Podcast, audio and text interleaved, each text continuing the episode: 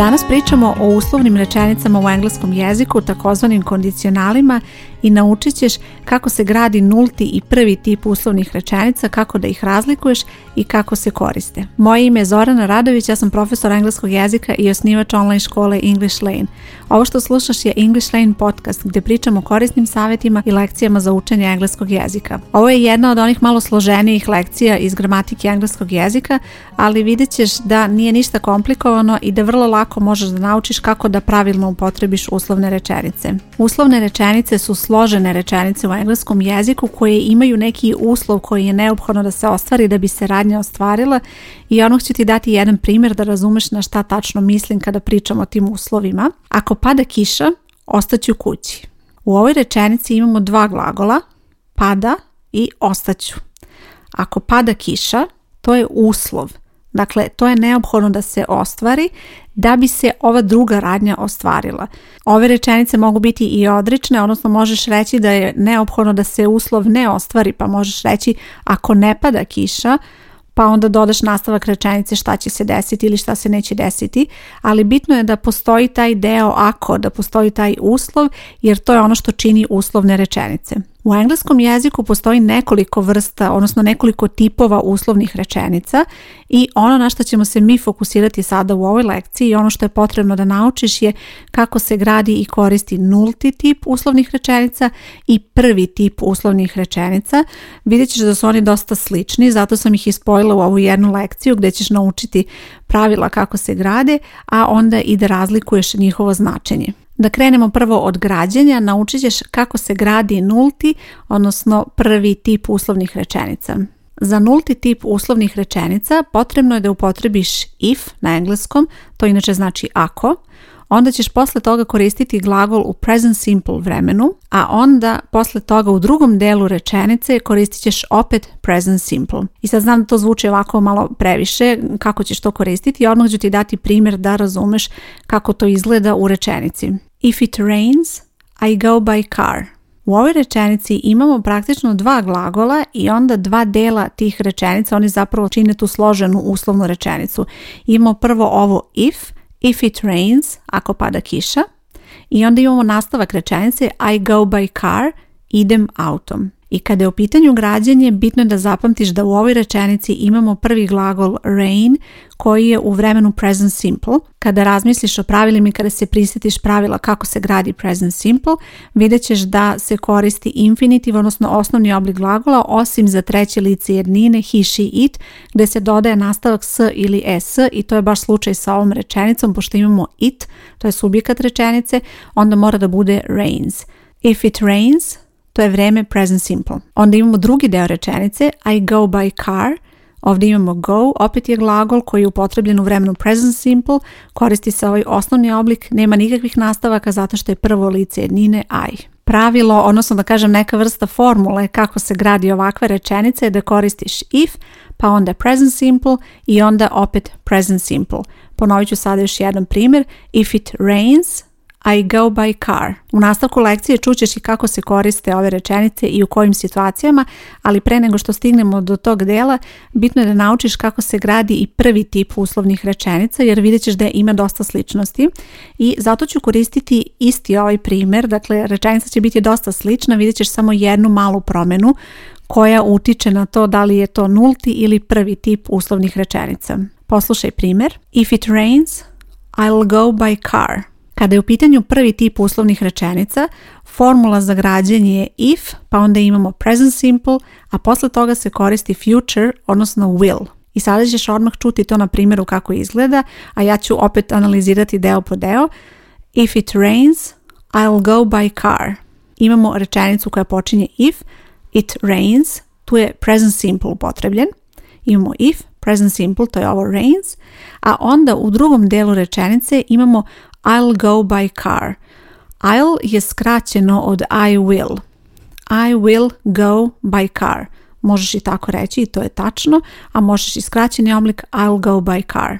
Ono što čuješ u toj rečenici je future will i to je nešto što moraš da upotrebiš da bi napravila prvi tip uslovnih rečenica. Dakle, neće biti present simple, neće biti I go by car, nego će biti I will go by car. Ono što čuješ u ovim primjerima i ono što možeš čuti u konverzaciji na engleskom je da jedna rečenica može da se upotrebi i u nultom tipu i u prvom tipu i to je sasvim ok zato što je moguće to reći na taj način, ali ono što je bitno da zapamtiš je da postoji razlika kada je u pitanju značenje i to je ono na što ćemo se fokusirati sada u okviru ovog drugog dela lekcije.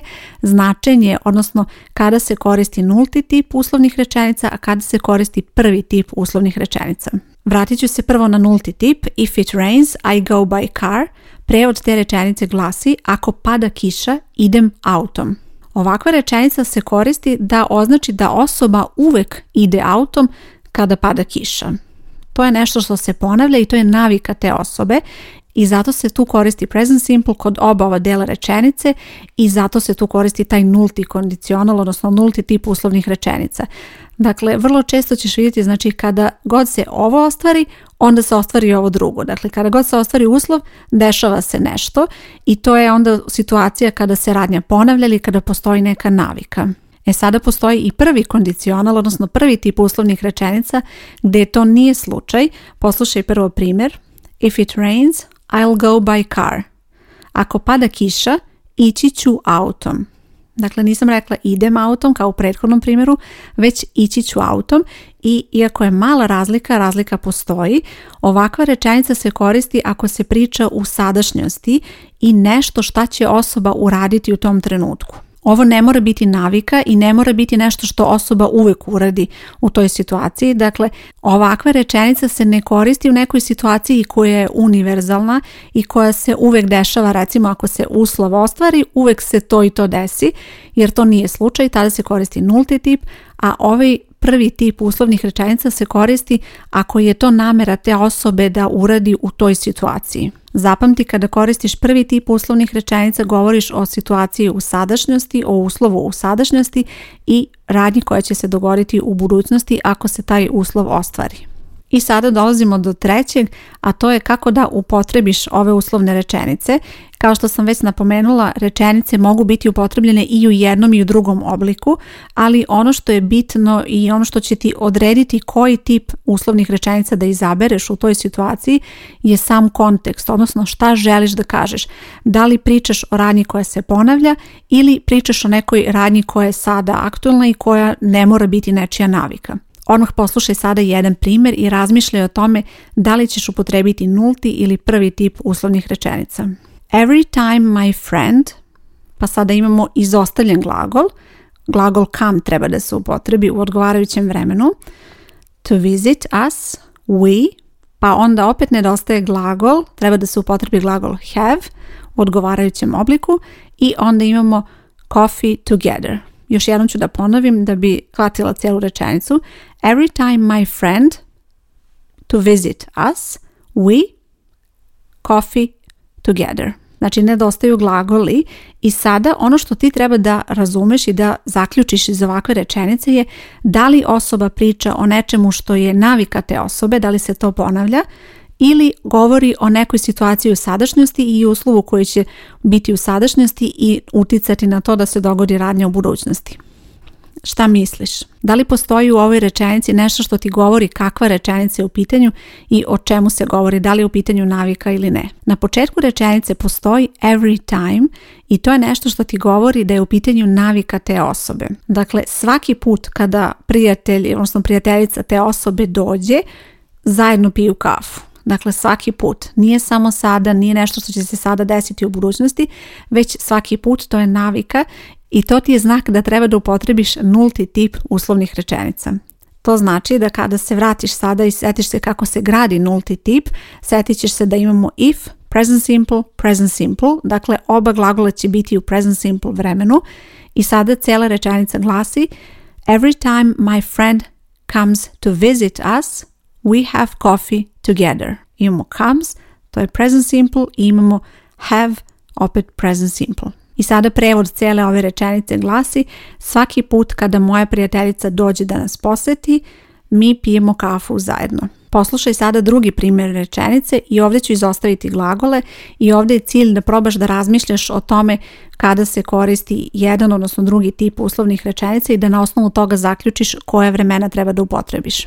It's getting colder today. If it, pa imamo glagol start, to rain, I, sada imamo glagol go u odričnom obliku i onda imamo for a walk. Pročitat ću još jednom sada. It's getting colder today. If it to rain, I go for a walk. Razmisli da li postoji u ovoj rečenici nešto što ti govori da li je u pitanju nulti ili prvi tip uslovnih rečenica. Kontekst je veoma bitan ne samo kada koristiš uslovne rečenice, već i generalno kada koristiš vremena i razne neke konstrukcije u engleskom jeziku. Zato je bitno da razmišljaš o tome jer svaku rečenicu koju koristiš koristit ćeš u nekoj određenoj situaciji, odnosno u kontekstu. I u ovoj rečenici, u ovom primjeru koji sam navela, imamo početak rečenice It's getting colder today. To ti govori da danas postaje hladnije i onda ova rečenica opisuje nešto što se dešava danas, u sadašnjosti je uslov i nešto što će se dogoditi u toku dana. Dakle, nije situacija gdje se govori o nekoj navici i nečemu što se ponavlja, već je ovo nešto što je baš karakteristično za danas i za neku situaciju koja je vezana za uslov u sadašnjosti. Ako se prisjetiš upotrebe kondicionala, onda ćeš se setiti da je prvi tip uslovnih rečenica ono što je potrebno upotrebiti u ovoj situaciji, a onda je bitno da setiš i kako se gradi prvi tip uslovnih rečenica.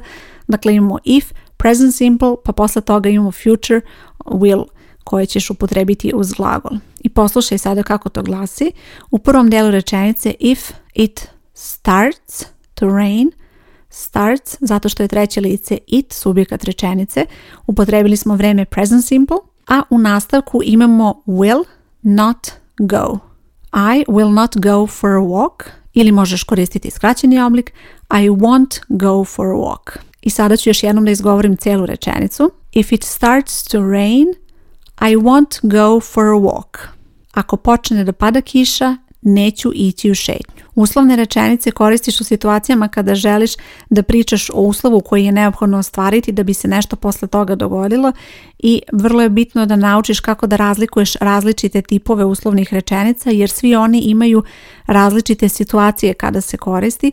U ovoj lekciji sada si naučila kako da upotrebiš nulti i prvi tip uslovnih rečenica i to je nešto što će ti omogućiti da dobro započneš učenje o uslovnim rečenicama, ali zapamti da ima još tipova uslovnih rečenica i da treba i njih postepeno da učiš, ali ova dva su oni koji se prvi nauče, a vrlo je bitno da se oni nauče dobro, da razumeš koja se vremena tu koriste, kako se razlikuju i u kojim situacijama se koriste, zašto je to bitno, jer to je ono što ti dalje pruža bolju osnovu da i druge tipove uslovnih rečenica bolje razumeš. Ukoliko si član English Line škole, na ovoj stranici gdje slušaš podcast bit će link ka dodatnim aktivnostima.